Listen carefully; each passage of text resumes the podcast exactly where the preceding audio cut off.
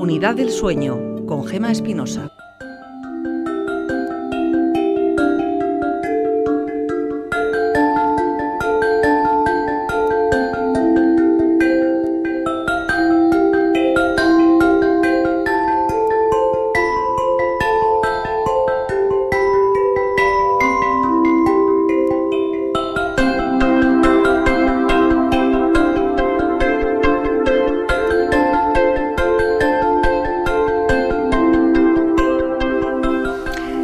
Carlos Egea, ¿esta musiquita sería buena para dormirnos, eh, por ejemplo, por la noche? ¿Poner algo así tranquilito? Pues la verdad es que me estaba entrando un poco de sueño. Sí, ¿no? Hay que decir todo. Carlos Egea es director de la Unidad del Sueño de Osi Araba y hace este programa. Se lo agradecemos tremendamente a todos los trabajadores de la Unidad del Sueño de Osi Araba y a Bio Araba, porque son los dos departamentos que nos ayudan a responder todas las preguntas de los oyentes preocupados, porque entre el 17 y el 20% de la población tiene problemas para dormir, pero ese otro 80% puntualmente también ha tenido problemas para dormir. Carlos Egea eh, es una de las personas además que duerme poco. Creo que me lo reconoció un día, ¿no? No, no. No. Yo duermo fenomenal. Tú duermes me fenomenal. apuesto, tardo media décima de segundo en dormirme y me despierto bastante refrescado, ¿no? Ah, o sea que no, no es aquello del casa del herrero cuchara de palo, ¿no? Yo debo ser predicar con el ejemplo Con en el este ejemplo, caso. estupendo. Hoy vamos a hablar de- del sueño referente a la salud, porque realmente tiene una influencia en la salud en el sueño y el sueño en la salud. Sí, así es. De hecho, eh, no sabemos muy bien cuánto hay que dormir. No, no- no tenemos, eh, comparado con otros animales similares, chimpancé, que duermen casi 11 horas y media, nosotros dormimos entre 6, 7, 8 horas. Y es curioso que, a pesar de ser primos, nuestro tiempo sea inferior. Pero lo que sabemos es cuándo hace daño, ¿no? Cuándo esto tiene repercusiones. Y quiero transmitir el mensaje de que lo que queremos usar el sueño es como la píldora de la salud. Las personas que duermen menos de 6 horas o que duermen más de 9 horas se ha asociado a problemas de salud. Con lo cual, esa es la ventana que tenemos que dormir. Ujú. Tenemos que dormir entre 6, 8 horas, menos de 5 y más de 9, que ya me lo voy aprendiendo yo, es algo que nos lleva a pensar que puede haber problemas en la salud. Teresa Ayusta, nuestra compañera, ha estado trabajando durante largo tiempo por las noches y sabe perfectamente lo que influye, ¿verdad, Teresa? El no poder dormir durante la noche y tener que estar despierto además durante el día. Ya, eh, pero fijaros, yo ahora estaba pensando, yo creo que no sé si con el tiempo, Carlos y, y los oyentes que nos acompañan, nos vamos mal acostumbrando a la necesidad del descanso por un lado y adecuarnos a nuestra vida y a nuestras actividades. Como bien dices, Gemma, es, es- complicado dormir durante el día porque hay, hay ruido, ¿no? Pero al final es pura necesidad física de descanso. Yo no sé si esto va con el chip de cada persona, porque ya los bebés, hay bebés que duermen de, de un tirón ocho horas y hay otros que cada tres horas se inquietan. Yo no sé si esto va con la naturaleza de cada uno de nosotros. No, eh, cuando vemos el sueño, yo, esto es como un nuevo mensaje os quiero dar, ¿no? Es, acabamos de descubrir y vamos descubriendo que hay cosas que hacíamos mal y cosas que seguimos haciendo mal, porque de padres a hijos cada vez se duerme menos. La tendencia es a ir perdiendo el sueño, a ir perdiendo el sueño, porque lo necesitamos para trabajar, para divertirnos, para ver la televisión, para oír la radio, para leer un libro, y restamos algo que es básico para nuestra integridad como especie. ¿eh? Y el dormir de un tirón o no, antes en la Edad Media no se dormía de un tirón. Figúrate que duermes ocho horas, eh, te habría desaparecido las cabras, eh, tu casa, te lo habrían robado todo. Con lo cual siempre se suma la siesta más la noche. Quiero decir que hemos descubierto que el dormir es algo que se está perdiendo y que puede ser un suicidio como especie, si seguimos así, que podemos recuperarlo, pero igual que es un suicidio la contaminación, que es un suicidio ver a las personas por color, por género, es que fumar, el, el comer de manera, el beber de... Es decir, que nos estamos dando cuenta en este siglo que hay cosas que nos llevaban a la destrucción, algo así como mesíaco, No pero apocalíptico, pero sí es que poco a poco Y que si vamos creándonos unos problemas que por naturaleza no tenemos. Eso es, y la contaminación. Es que estamos destruyendo como humanos con el sueño, estamos destruyendo como tierra con la contaminación. Entonces, todo esto va a empezar a regresar dándonos cuenta que hemos descubierto que el deporte y la nutrición asociado al sueño puede hacernos más felices y más longevo. Hoy queremos hablar de la importancia del sueño para la salud, porque primero nos empezamos a preocupar de lo malo que era el tabaco, luego del alcohol, después del colesterol y ahora nos preocupamos de lo malo que es no dormir. Pero no solo para estar espabilados durante el día, no solo para no quedarte dormido en el trabajo, vamos a hablar hoy de lo importante que es dormir bien para combatir ciertas enfermedades. Porque, Carlos, uno se puede morir por no dormir. De hecho, hay una enfermedad. Sí, eh, es una enfermedad que lo que hace es eh, disregula el centro, daros cuenta que el sueño viene regulado por un interruptor como el de la luz. Si ese interruptor se daña por una enfermedad, por un virus, por una enfermedad genética, no duermes. Y al final llega el momento en el que se, se disregula todo. Se va al traste la temperatura, se va al traste el sueño y te mueres. De hecho, tú puedes vivir sin comer durante un cierto número de días, puedes vivir sin beber durante un pero sin dormir ¿Cuántos días puedes aguantar sin dormir? ¿Existe pues algún estudio de la resistencia? No. Porque no, sería ético. Pero sí que se ha visto que en algunos programas que no duermen, a los participantes les llevaron a hacer crisis psiquiátricas, ¿no? Y a enloquecer hasta que al final se dormían. Y de hecho, en las guerras, el no dejar dormir a los prisioneros era algo bastante común de tortura, ¿no?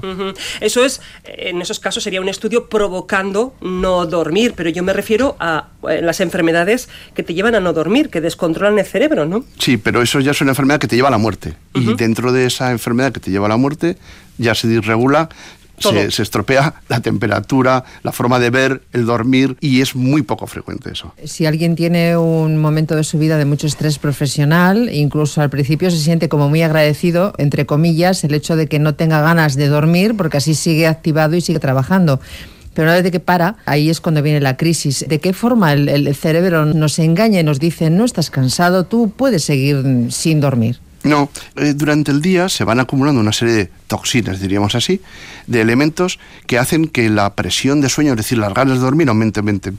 Lo que pasa es que, como es un modelo de interruptor, el dedo de la vigilia, el dedo de el estrés, el dedo de la muerte de un familiar, el dedo del lío con tu jefe o el lío o el problema que tengas ese día, fomenta que el dedo de encendido eh, sea superior al dedo de intentar apagarlo. Y puede suceder insomnios que es uno de los de corta duración, o que lleve esto al final a un insomnio crónico, que es la ausencia de número total de sueño con repercusión durante el día, es decir, tú vas al trabajo cansado, malhumoreado y empieza a ser un problema. Una de las preguntas que ha hecho nuestra compañera Carolina de Oliveira en la calle a unos vecinos que amablemente le han respondido. ¿En qué nota usted mejoría cuando descansa más? Bueno, el descansar, el buen sueño influye en el rendimiento laboral, en tu estado de ánimo, en tu vida general, en que ves las cosas de otra forma, en que es necesario, es necesario. Hay estudios que dicen que el sueño, el descansar las horas que nuestro cuerpo necesita, influye directamente en nuestras emociones, como que somos más felices. ¿Cree usted que esto es cierto? Por supuesto, cualquier estado de bienestar, cualquier cosa positiva para la vida siempre influye en el sentido bueno, no en el malo. Y el descansar es fundamental. El que no descansa se nota emocionalmente y en toda su vida en general. La fisiología humana indica que necesitamos dormir unas horas determinadas que si no lo hacemos repercute más pronto más tarde en nuestra salud y en todo. Y además de este dato también se dice que el, el descansar bien nos hace no envejecer tan rápido y aparte prevenir infecciones, bueno, infecciones normales o algunas enfermedades como el cáncer, por ejemplo. Pues en eso yo tengo dudas razonables porque para eso tendrías que mirar estudios contrastados, estudios randomizados que igual pues eh, en este momento se me escapa para afirmar lo que yo pueda pensar sobre el tema, pero vamos, mm, no digo ni que sí ni que no, sino habría que consultarlo con la bibliografía. Es decir, tenemos clarísimo que el sueño repercute incluso en nuestra felicidad, al menos lo tenía este señor, pero lo de que influye en enfermedades como el cáncer no lo tiene tan claro y es lo que le quiero preguntar a Carlos Egea. ¿Qué repercusión o qué efecto tiene o qué relación sueño y cáncer? En general, dormir poco está asociado con más mortalidad, menos tiempo de vida, asociado a problemas cardiovasculares. Y eso ha sido recientemente demostrado en un estudio que han hecho en un banco en España, en todos los eh, trabajadores, en el que la gente que duerme menos de seis horas se asocia a más problemas de placas en las coronarias. Pero además, hay enfermedades como la apnea del sueño, roncar. Seguro que esto lo han oído muchas veces. Seguro, ha sido muy claro. Esas apneas en número mayor de lo normal y asociado a bajada de oxígeno, porque la apnea es que dejar de respirar, se ha asociado a mayor posibilidad de tener tumores en general como una especie de predisposición que las bajadas de oxígeno hacen que las células se vuelvan locas al proliferar. Y eso se ha demostrado en un estudio del Grupo Español de Sueño, sobre todo en ratas y concretamente con el melanoma. Es decir, que podríamos concluir que el poco sueño se asocia a obesidad, trastornos alimentarios, poca felicidad, poco rendimiento del trabajo, menor tiempo de vida, mayor problemas cardiovasculares y asociación con cáncer, concretamente con el melanoma. Luego, sí que el sueño, ¿quién no nos dice que el sueño, la nueva píldora de la felicidad, sea el lugar donde los tratamientos sean más eficaces, donde preservar el sueño nos haga más longevos, más felices? Es un, un área de trabajo tan ilusionante que puede cambiar exactamente lo que estamos haciendo ahora, que es perderlo. Claro, además es que si dividimos las 24 horas del día, eh, supuestamente es exacto esas 8 que nos quedan de ese cuarto deberíamos de, utilizarlo para dormir. Yo ahora estaba recordando que muchas veces en, ciertas entrevistas nos quedamos solamente con la parte superficial, ¿no? Cuando alguien famoso, bello, que vive de, su cuerpo, sobre todo a nivel cinematográfico, dice que duerme 8 horas, vamos, religiosamente al día para conservarse bien. Si nuestro cuerpo es el reflejo de nuestro estado interior, y es así, ese sueño es nunca, nunca mejor dicho, ¿no? Mm, eh, ¿Cree que de alguna forma también deberíamos de educar a los, a los niños y niñas que se cuiden y que descansen lo suficiente? Porque hay quien roba también, ¿no? Para engancharse a un programa de televisión o, leer, en fin, no sé, no sé de qué manera podríamos adecuar esa educación al sueño. Lo primero tenemos que decir a toda la población que tenemos la fortuna de tener un espacio donde descansamos, entre comillas, y donde nuestro cerebro se desahoga de todas las toxinas, que es el sueño. Y utilizarlo es muy irrelevante y perderlo también. Por eso, por ejemplo, en Vitoria-Gasteiz el ayuntamiento, junto con Nosi Araba, hace educación para la salud, concretamente en sueño, para que cuando sean adultos no tengan problemas en reconocer que el sueño es una parte de ello. La vida nuestra vida en general de 24 horas, de el just in time, del todo ahora el momento, está haciendo perder muchos de los valores. Pero probablemente estemos equivocados y lo único que tenemos que hacer es reconducir porque ahora el sueño nos puede dar más beneficios que perjuicios. El perjuicio es estar 6 a 8 horas quieto, sin actividad, pero sin embargo eso nos va a hacer que la vida sea más larga y que lo hagamos mejor. Vamos a incidir en el tema de la salud y el sueño, que es nuestro tema de hoy, porque ha comentado Carlos Egea de OSI Araba, porque la unidad del sueño de Araba es la referencia para todo Euskadi, pero hay unidades del sueño en todos los hospitales. Ha dicho que la apnea, entiendo, no solamente se intenta combatir la apnea por aquello de que molesta a quien está al lado porque ronca, sino porque ha hablado de falta de oxígeno, que eso es lo que repercute en nuestras células, células que al fin y al cabo son las que eh, de alguna manera enferman y nos hacen enfermar a nosotros. Claro, daros cuenta que hoy yo soy diferente que dentro de dos meses donde todas mis glóbulos rojos, mis células de la sangre, han desaparecido y se han formado nuevas. Cada 10 años casi somos un cuerpo nuevo. Y, pero sin embargo, seguimos los mismos hábitos. Y el que esa fase de crecimiento de las células para formar un tejido se ve alterada porque le falta oxígeno, le falta azúcar, le falta o le sobra insulina, esto hace que el crecimiento se desordene y puede favorecer como un disparador la formación de tumores. ¿De tumores? ¿De diabetes? ¿De obesidad? ¿Infecciones? Sí, ¿quién no le ha ocurrido que cuando tiene fiebre o tiene una infección le pide más el sueño? Y de hecho, las amachus probablemente dicen, bueno, duerme que eso te cura más.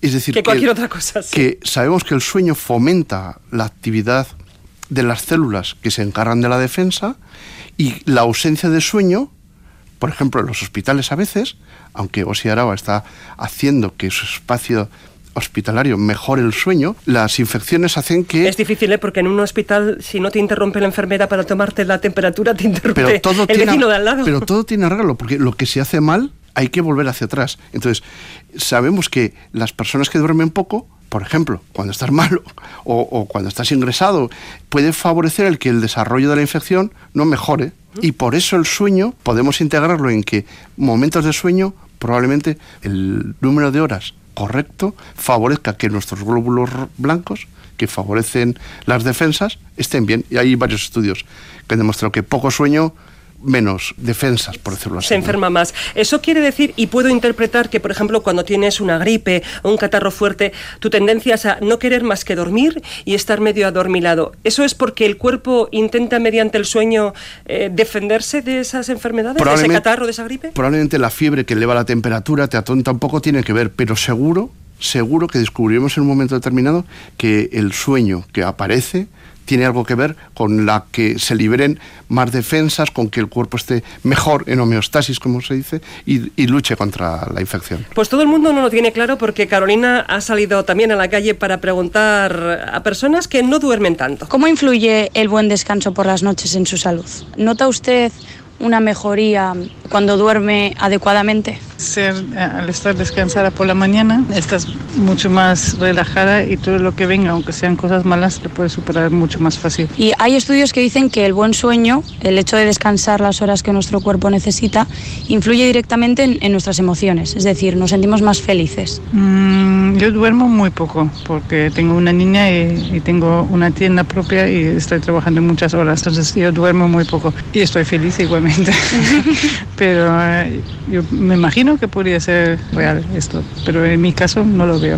Y además de este dato, pues eh, también se dice que descansar ayuda en el antienvejecimiento, además de hacernos más inmunes a algunos tipos de infecciones o prevenir enfermedades como por ejemplo podría ser el cáncer. Creo que debería dormir más y no sabía que puede prevenir algunas enfermedades. Yo sé que emocionalmente te ayuda cuando estás descansada, pero yo no sabía que físicamente también te afectaría, porque en mi familia dormimos cinco horas, seis horas por la, por la noche, estamos bien, pero yo creo que no nos levantamos muy, muy temprano, pero vamos a dormir muy tarde. Dormimos poco, mi madre también, yo también, pero no sé, ese ritmo de vida que al final tienes. Y yo creo que no es muy saludable, eso sí. Eso lo tiene claro. Detrás se oía la niña, decía, tengo una hija, duermo poco, de, precisamente del sueño de los niños. Hablaremos la semana que viene. Hay familias que tienden a acostarse muy tarde. Pero es que también depende de cómo es el cronotipo, que eso lo hemos descubierto o sea, cómo es una persona ahí. Vamos a dividirlo en tres tipos de, de, animales: búhos, alondras y colibrís. Los búhos son aquellos, seguro que muchos de ustedes eh, lo reconocen, son aquellos que les gusta leer o trabajar pues hasta altas horas de la noche, del mediodía. Las alondras son los que a las 6 de la mañana están despiertos y luego los colibríes que es gente que se adapta a su horario. Por ejemplo, yo me acuerdo que alguien de la iglesia me decía que las personas que ingresan en un convento tienen problemas, porque a las 3 de la mañana hay que levantarse para orar, para continuar con la fe, porque muchos lo dejan, pero es que igual, si eres un búho y tú te acuestas a las 12 de la noche y te levantan a las 3 de la mañana a orar, probablemente en un mes hayas perdido la fe. Porque, y la salud. sí, porque vas somnoliento todo el rato. ¿Qué quiero decir? Que, o si tú eres un búho y eres ciclista, pues tendrás problemas, porque levantarse a las 7 de la mañana para andar en bici para ti es un problema.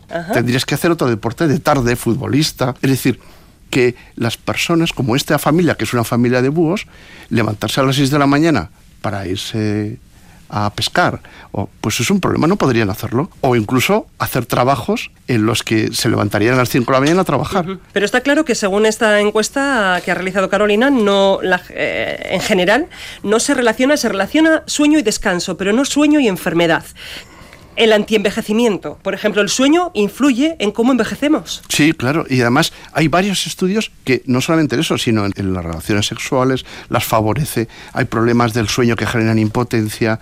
El insomnio eh, no tratado puede generar que durante el día el rendimiento laboral y el rendimiento de pareja o rendimiento familiar sea escaso. Es que está todo tan unido, no quiere decir que sea el problema de todo. O sea, la idea es no transmitir enfermedad, que ya hemos transmitido bastantes enfermedades, sino generar salud. ¿Cómo mantengo la salud? El sueño es una pieza clave. El deporte y la nutrición. Nada más. Es que damos armas, herramientas a la población, a todo el mundo, para que sepa, mira, si haces esto, es que vas a vivir más. Eh, no hay más que ver la cara que tenemos cuando no hemos dormido bien y seguro, solo con vernos la cara, alguien nos dice, Hoy, hoy esta noche me parece que no has dormido mucho, ¿no? Algo se nos nota y no solo en los ojos, también en la piel, en la expresión de la cara. Teresa. Sí, yo estoy de acuerdo. Además, eso también le quería incidir y sobre todo en la vista. Hay quien dice que incluso nuestros ojos, que están muchísimo tiempo expuestos a veces pues a los ordenadores y a, las luces, necesitan dormir, necesitan relajarse. ¿Hay alguna fórmula, tal vez, algún ejercicio de relajación precisamente para dormir de manera más profunda, descansar realmente? No, porque daros cuenta que cuando hablamos de profundidad en el sueño, todo el mundo le viene, en relación sobre todo con los smartwatches ahora, que hay que hacer mucho sueño profundo. Y realmente la mayor parte del sueño es superficial. Y en ese sueño, en la parte interior del cerebro manda señales eléctricas al cerebro para madurarse, para hacerse más inteligente. Y eso pasa mucho en los niños. Con lo cual, todas las partes del sueño son importantes, pero no modificables eh, por nosotros. Es decir, yo no puedo decir, ahora hago sueño profundo. Como no le puedo decir al corazón, pues ahora te vas a poner a 200 o te vas a poner a 30. Hay cosas que son reguladas automáticamente. Lo único es la predisposición al sueño. Es una buena cama, unas buenas mantas, una buena iluminación, ausencia de televisión. Una serie de, como cuando el perro quiere dormirse, seguro, habéis visto a los animales como se, se mueven alrededor, buscan su sitio. Nosotros tenemos que buscar ese sitio.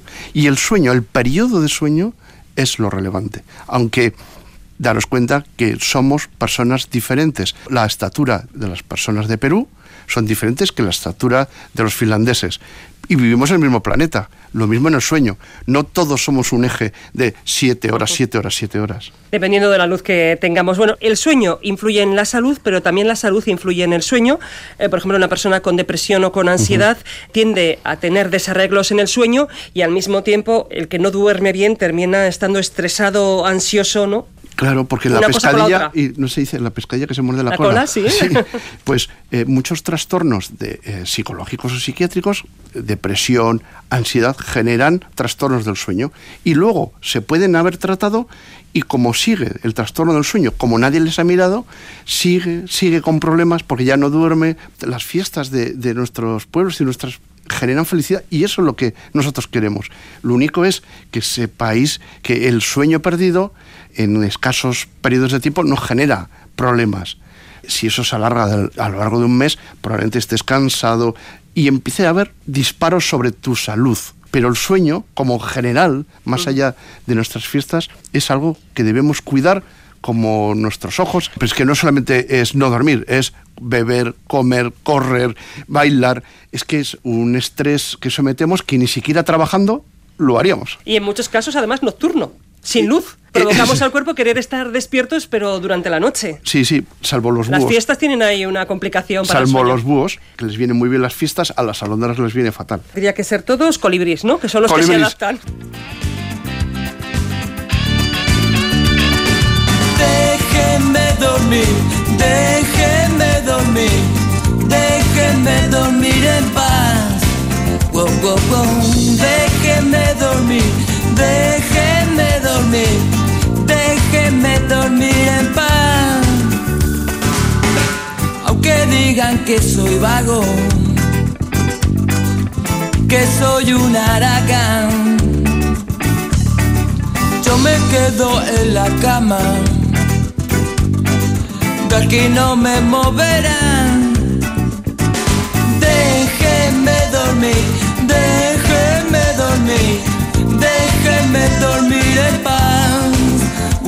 Wow.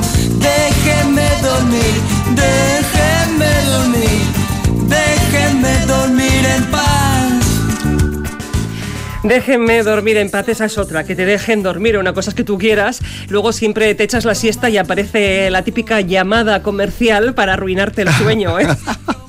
que sí. Que de esas hay muchas. Y bueno, eh, dan ganas de responder cuando a uno le despiertan de golpe, ya sea de tarde o de noche, me da lo mismo. El despertarse de golpe es algo terrible. Tu cerebro no sabe ni dónde está ni qué día es, si es por la mañana, por la noche. De hecho, hay episodios que se llaman despertares confusionales, ¿no? Donde uno transiciona del sueño al despierto de una manera en la que no sabe ni dónde está. No, seguro que les ha pasado que están en, de vacaciones, se despiertan y no saben si están en casa o están de vacaciones. O, es muy normal porque la transición, igual que la transición al sueño, es muy frágil. y por lo tanto puede aparecer fenómenos de confusión muy frecuentes. Y mucha gente que dice, ya, yo me despierto enseguida y sin embargo el de al lado, madre mía, lo que le cuesta y encima se levanta como de mal humor. Sí, porque es que somos individuos, individuos diferentes aunque compartamos músculos, arterias y formas de ser, ¿no? Pero es que cada uno lo vive de una manera diferente. Vamos ya con esas preguntas de cosas muy interesantes. Carolina, Han llegado un montón. Una tiene que ver con lo que has comentado antes de los smartwatch. Preguntan, ¿son efectivas estas pulseras de actividad que se han puesto de moda que registran la actividad del sueño? Actualmente, como diría un andereño, debe mejorar, porque o sea, el tiempo total de sueño, es decir, el tiempo de inactividad, lo miden bastante bien en general. Es decir, tienen un acelerómetro y ven si te mueves o no. Y si no te mueves, suponen que estás dormido. Pero igual la has dejado en la mesilla, cargando. O igual la- te has duchado y la has dejado fuera. Entonces, si la pregunta es si son capaces de medir bien la calidad de sueño, es decir, profundidad, eso todavía, aunque hay varios trials y de hecho en varias revistas ya avanzan de que puede ser algo que se puede utilizar en medicina, todavía no está perfectamente descrito. Eso que vienen y dicen, es que he hecho un 40% de sueño profundo, yo quiero hacer 100. Ya, pero es que solo puedes hacer el 20. Que todavía falta recorrido, aunque creo que en un futuro va a ser el interlocutor entre la medicina y los ciudadanos. Y él, pues por ejemplo, eh, tienes fiebre, te lo va a detectar, estás pasando por una zona de gripe y te va a decir, está usted pasando por una zona de gripe o una zona de contaminación. ¿Eso te dice la pulsera? Sí, yo creo que lo va a hacer. Nos va a ayudar ah, en el futuro. en un futuro, Ah. pero que puede ser mañana. Es que es- cambia todo tanto. De repente yo veo en, en mi teléfono que han aparecido 40 apps nuevas, ¿no? Es decir, esto va tan rápido, más que la medicina, más que la sociedad. Pero todavía eso no existe. Pero todavía no. Y, eh, como bien ha dicho, esas pulseras pueden mejorar. Puede valer entonces como indicativo, pero no para saber exactamente el número de horas que duermes. No, exactamente. Y además son tontas. Es decir, solo dan información, no eh, se Analizan, acoplan, no analizan. Los datos. Más preguntas, Carolina. Sí, siguiendo con el tema de hoy, que es el sueño relacionado con la salud, un oyente dice que le da miedo el Parkinson porque tiene sueños muy reales y los confunde a menudo con la realidad y se repiten. No, lo que sí sabemos es que hay alteraciones o trastornos del sueño que pueden acabar o pueden predecir el inicio del Parkinson o la demencia de cuerpos de Levy que se llama. Pero en general la presencia de lo que usted tiene que son pesadillas, que es que las vive de manera real y se despierta y se acuerda o, o se levanta agitada, en principio no es ningún trastorno de sueño como tal, que salvo que sea muy frecuente o que haya que hacer un estudio porque tiene otras cosas, pero en principio soñar soñamos todos. Pu- Pero ¿por qué tenemos, por qué hay gente que tiene muchas pesadillas y otros no? Es No- que no es que individual. con él. No, es probable que dentro de 10 años esta pregunta le diga, pues es por esto, por esto, por esto. Pero ahora no lo sabemos. No lo que sé. sí sabemos es que soñamos.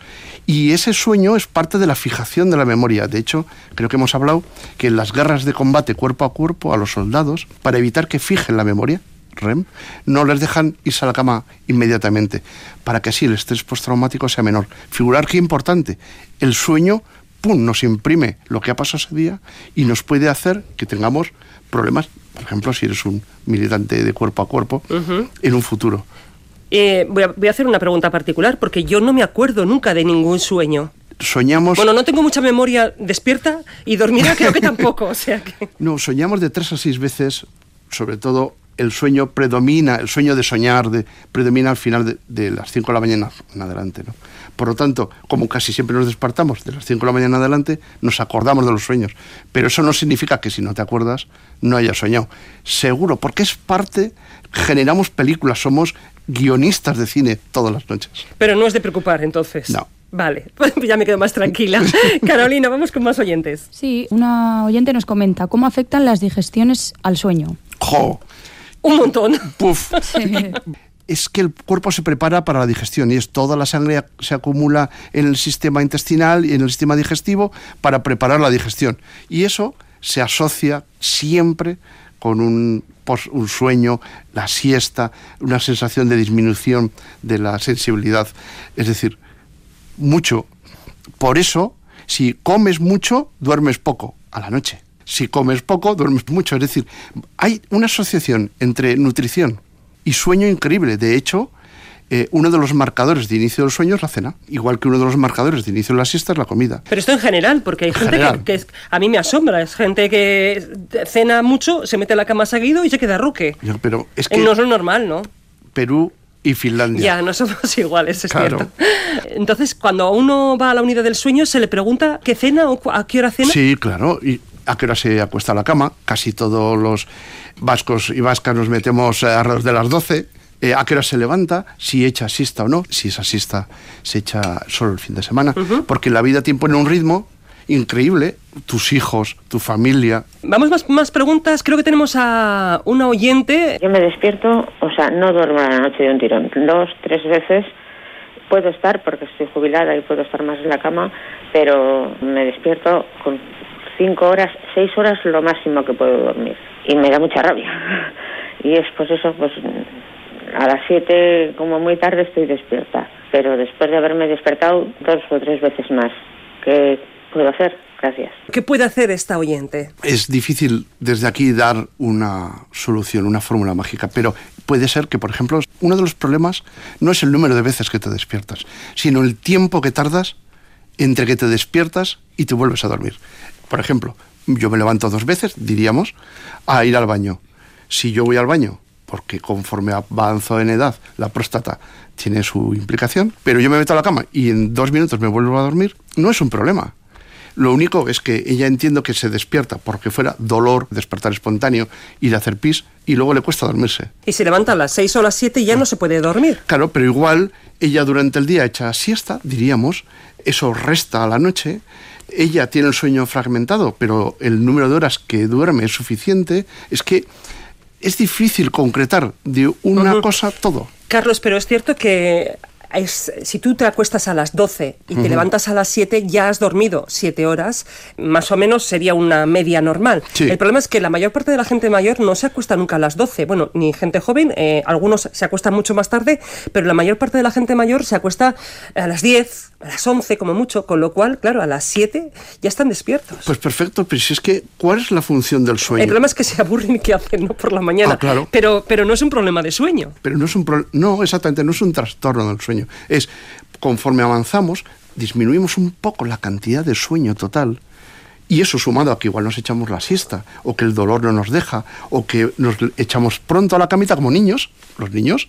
¿Cuál es la diferencia entre ser mayor y niño? Que te acuestas a la misma hora, a las 10, pero el problema es que el niño tiene más horas de sueño que un adulto o que un- una persona mayor, y tú no, con lo cual el niño se despierta a las 7, que está ahí poniendo los dibujos o a las 8, y tú estás a las 6. Pero no pasa nada. Más tiempo de vida. Claro, lo importante son las horas de sueño que sumamos al cabo Eso del es. día y yo como estoy aprendiendo mucho en este espacio voy a resumir que en otra ocasión nos habéis comentado que el problema está en la gente que duerme, por ejemplo, dos o tres horas, hace otra cosa, eh, trabaja, no sé qué, vuelve, duerme otras dos o tres horas porque el sueño REM, que es el que fija las eh, ideas, es- se eh, produce precisamente en esas dos o tres horas. sí. Con lo cual, si lo cortas cada tres horas, pues al final nos quedamos con el sueño REM y no va como descendiendo poco a poco. El famoso ¿Lo he despertador. aprendido bien? Perfecto. Bien. el famoso despertador de 30 minutos antes, ¿no? Que suena, te interrumpe el REM, el REM que te viene fenomenal y tú, sin embargo, crees que es bueno porque te va sonando cada 10 minutos hasta que te vas levantando. levantando. O sea, te va fragmentando el sueño, tú solamente te despiertas y ves que te quedan 20 minutos, que te quedan 10, que te quedan 5 y eso te, te produce placer, pero sin embargo, has roto por ese placer, igual que si te vas a las 5 de la mañana al gimnasio, has roto por ese placer tu sueño vital para ti. Es cuestión de aprender nada más. O sea que es mejor que me ponga el despertador y me despierte y punto. Claro, pero ya- Asumir la realidad. A las pero- 5 de la mañana suena el Pero despertador. gracias a eso ya hay despertadores, hay una eh, evidencia de que el despertar puede ser como el amanecer, con trinos, es decir, ya empieza a haber tecnología que te ayuda a despertarte no con esas campanas prrr, Sí. enormes, sino con un sonido, con una luz progresiva que simula el amanecer. Esto va a ser, el futuro va a ser increíble. Un día hablaremos, eh, como decimos, de cómo tiene que ser nuestra habitación, cómo tenemos que adaptarla para que nuestro cerebro asuma que vamos a a descansar. Pero Carolina, tenemos más preguntas y además preguntas que les agradecemos porque son tan variadas que quizás nunca se, nos- se me ocurriría a mí preguntar ciertas cosas. Sí, la verdad que hay de todo. Bueno, ya son dos oyentes que nos están preguntando por una alternativa a la máquina que, que se recomienda utilizar a las personas que sufren apneas, entre otras cosas porque por el ruido que hace. No se acostumbran ellos a llevar la máquina y tampoco el de al lado a escuchar, eh, aunque sea poquito el sonido, pero... Claro, es curioso lo de la música y los ritmos, ¿no? La mayor parte de las personas que usan esa máquina probablemente sean roncadores y algunos han alcanzado en su ronquido 80 decibelios, que es la sirena de la policía o de la ambulancia. Figúrate tú. Uf. Y sin embargo, la máquina que tiene menos de 30 decibelios por prescripción, porque así se, se hace en las licitaciones, origina más problemas a veces, no por el ruido, sino porque como es un sistema que echa aire, y si le miras a la pareja, probablemente le despiertas no por el ruido, sino porque le va un poco de aire a la cara, y eso es lo que le despierta.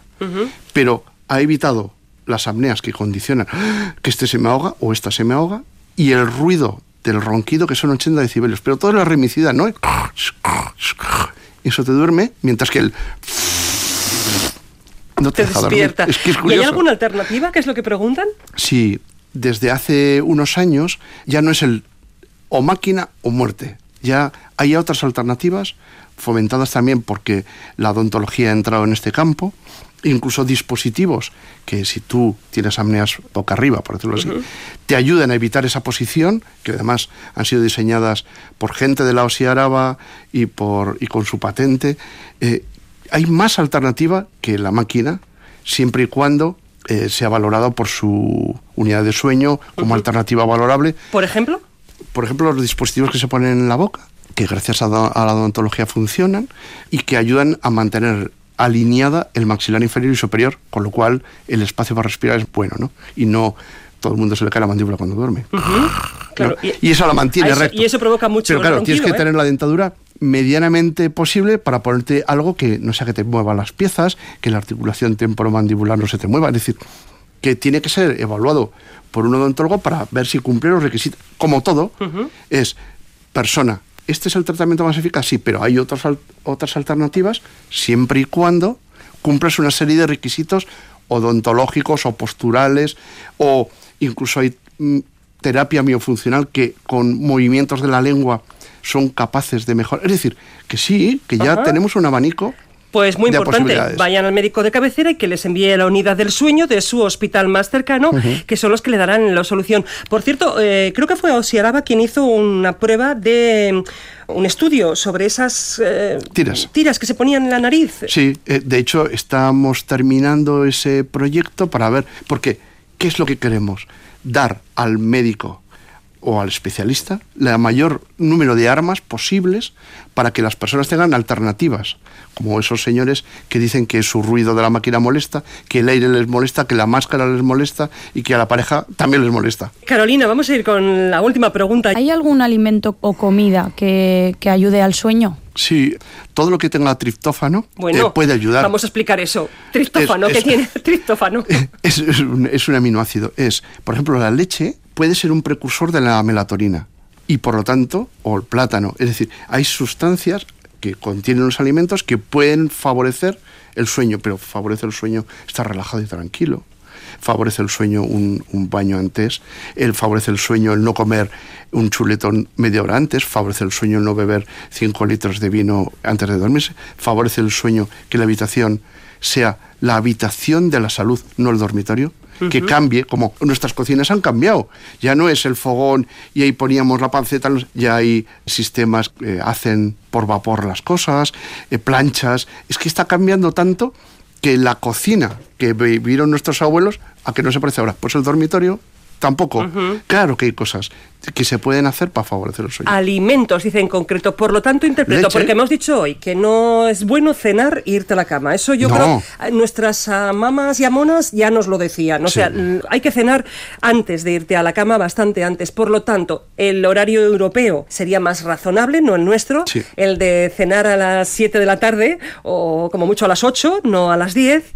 Sería una buena idea. Y, por ejemplo, a las 10 antes de irte a la cama o a las 11, un vasito de leche o un plátano, ha dicho. Un plátano, sí. Todo lo que tenga sustancias precursoras de melatonina, claro que sí. Pero claro, si yo me tomo un vaso de leche y me pongo una pantalla de 56 pulgadas de televisión con una luz azul similar a del Camp Nou, pues es imposible que me duerma. Sí, una cosa es el alimento y otra cosa es lo que añadimos alrededor a esa habitación. Carolina. Sí, nos dice un oyente. Después de un ensayo en una agrupación coral, llego a casa y al acostarme me está ronroneando todo el rato en la cabeza las canciones de esa tarde.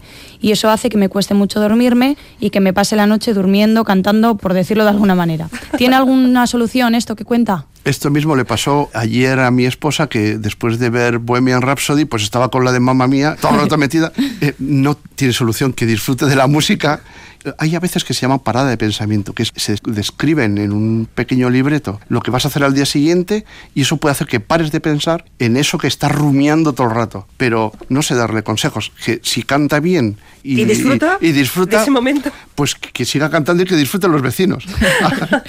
Cuando ha comentado antes el doctor Egea que las primeras horas del sueño son las que fijan nuestra idea, fíjense si ya traemos fijada la canción desde antes de meternos a la cama. Pero meterse cantando es una virtud. Yo diría que cuánta gente se mete a, la cama cantando. Eso, cantando para sus adentros, ¿no? Sí, pero bueno, pero se mete feliz. Sí. Lo único que el rumiar pensamientos, que es sacarlos a la noche, porque la noche es muy oscura, ¿eh? y del trabajo o de la música, eso te sigue activando y el interruptor del sueño tú lo das en vigilia, vigilia, vigilia, que es despierto, despierto, despierto, despierto, ¿no? La de, y entonces no te puedes dormir hasta que paras. Siempre decimos problemas de sueño a partir de tres meses, no que una noche no he dormido o que llevo una semana preocupado con estrés y entonces no duermo. No, hablamos de problemas eh, de más de tres meses, son los que deberían ir por lo menos a consultar a la unidad del sueño, siempre haciéndolo a través del médico o de la médico de cabecera. Carlos Egea, eh, director de la unidad del sueño de Araba, mil gracias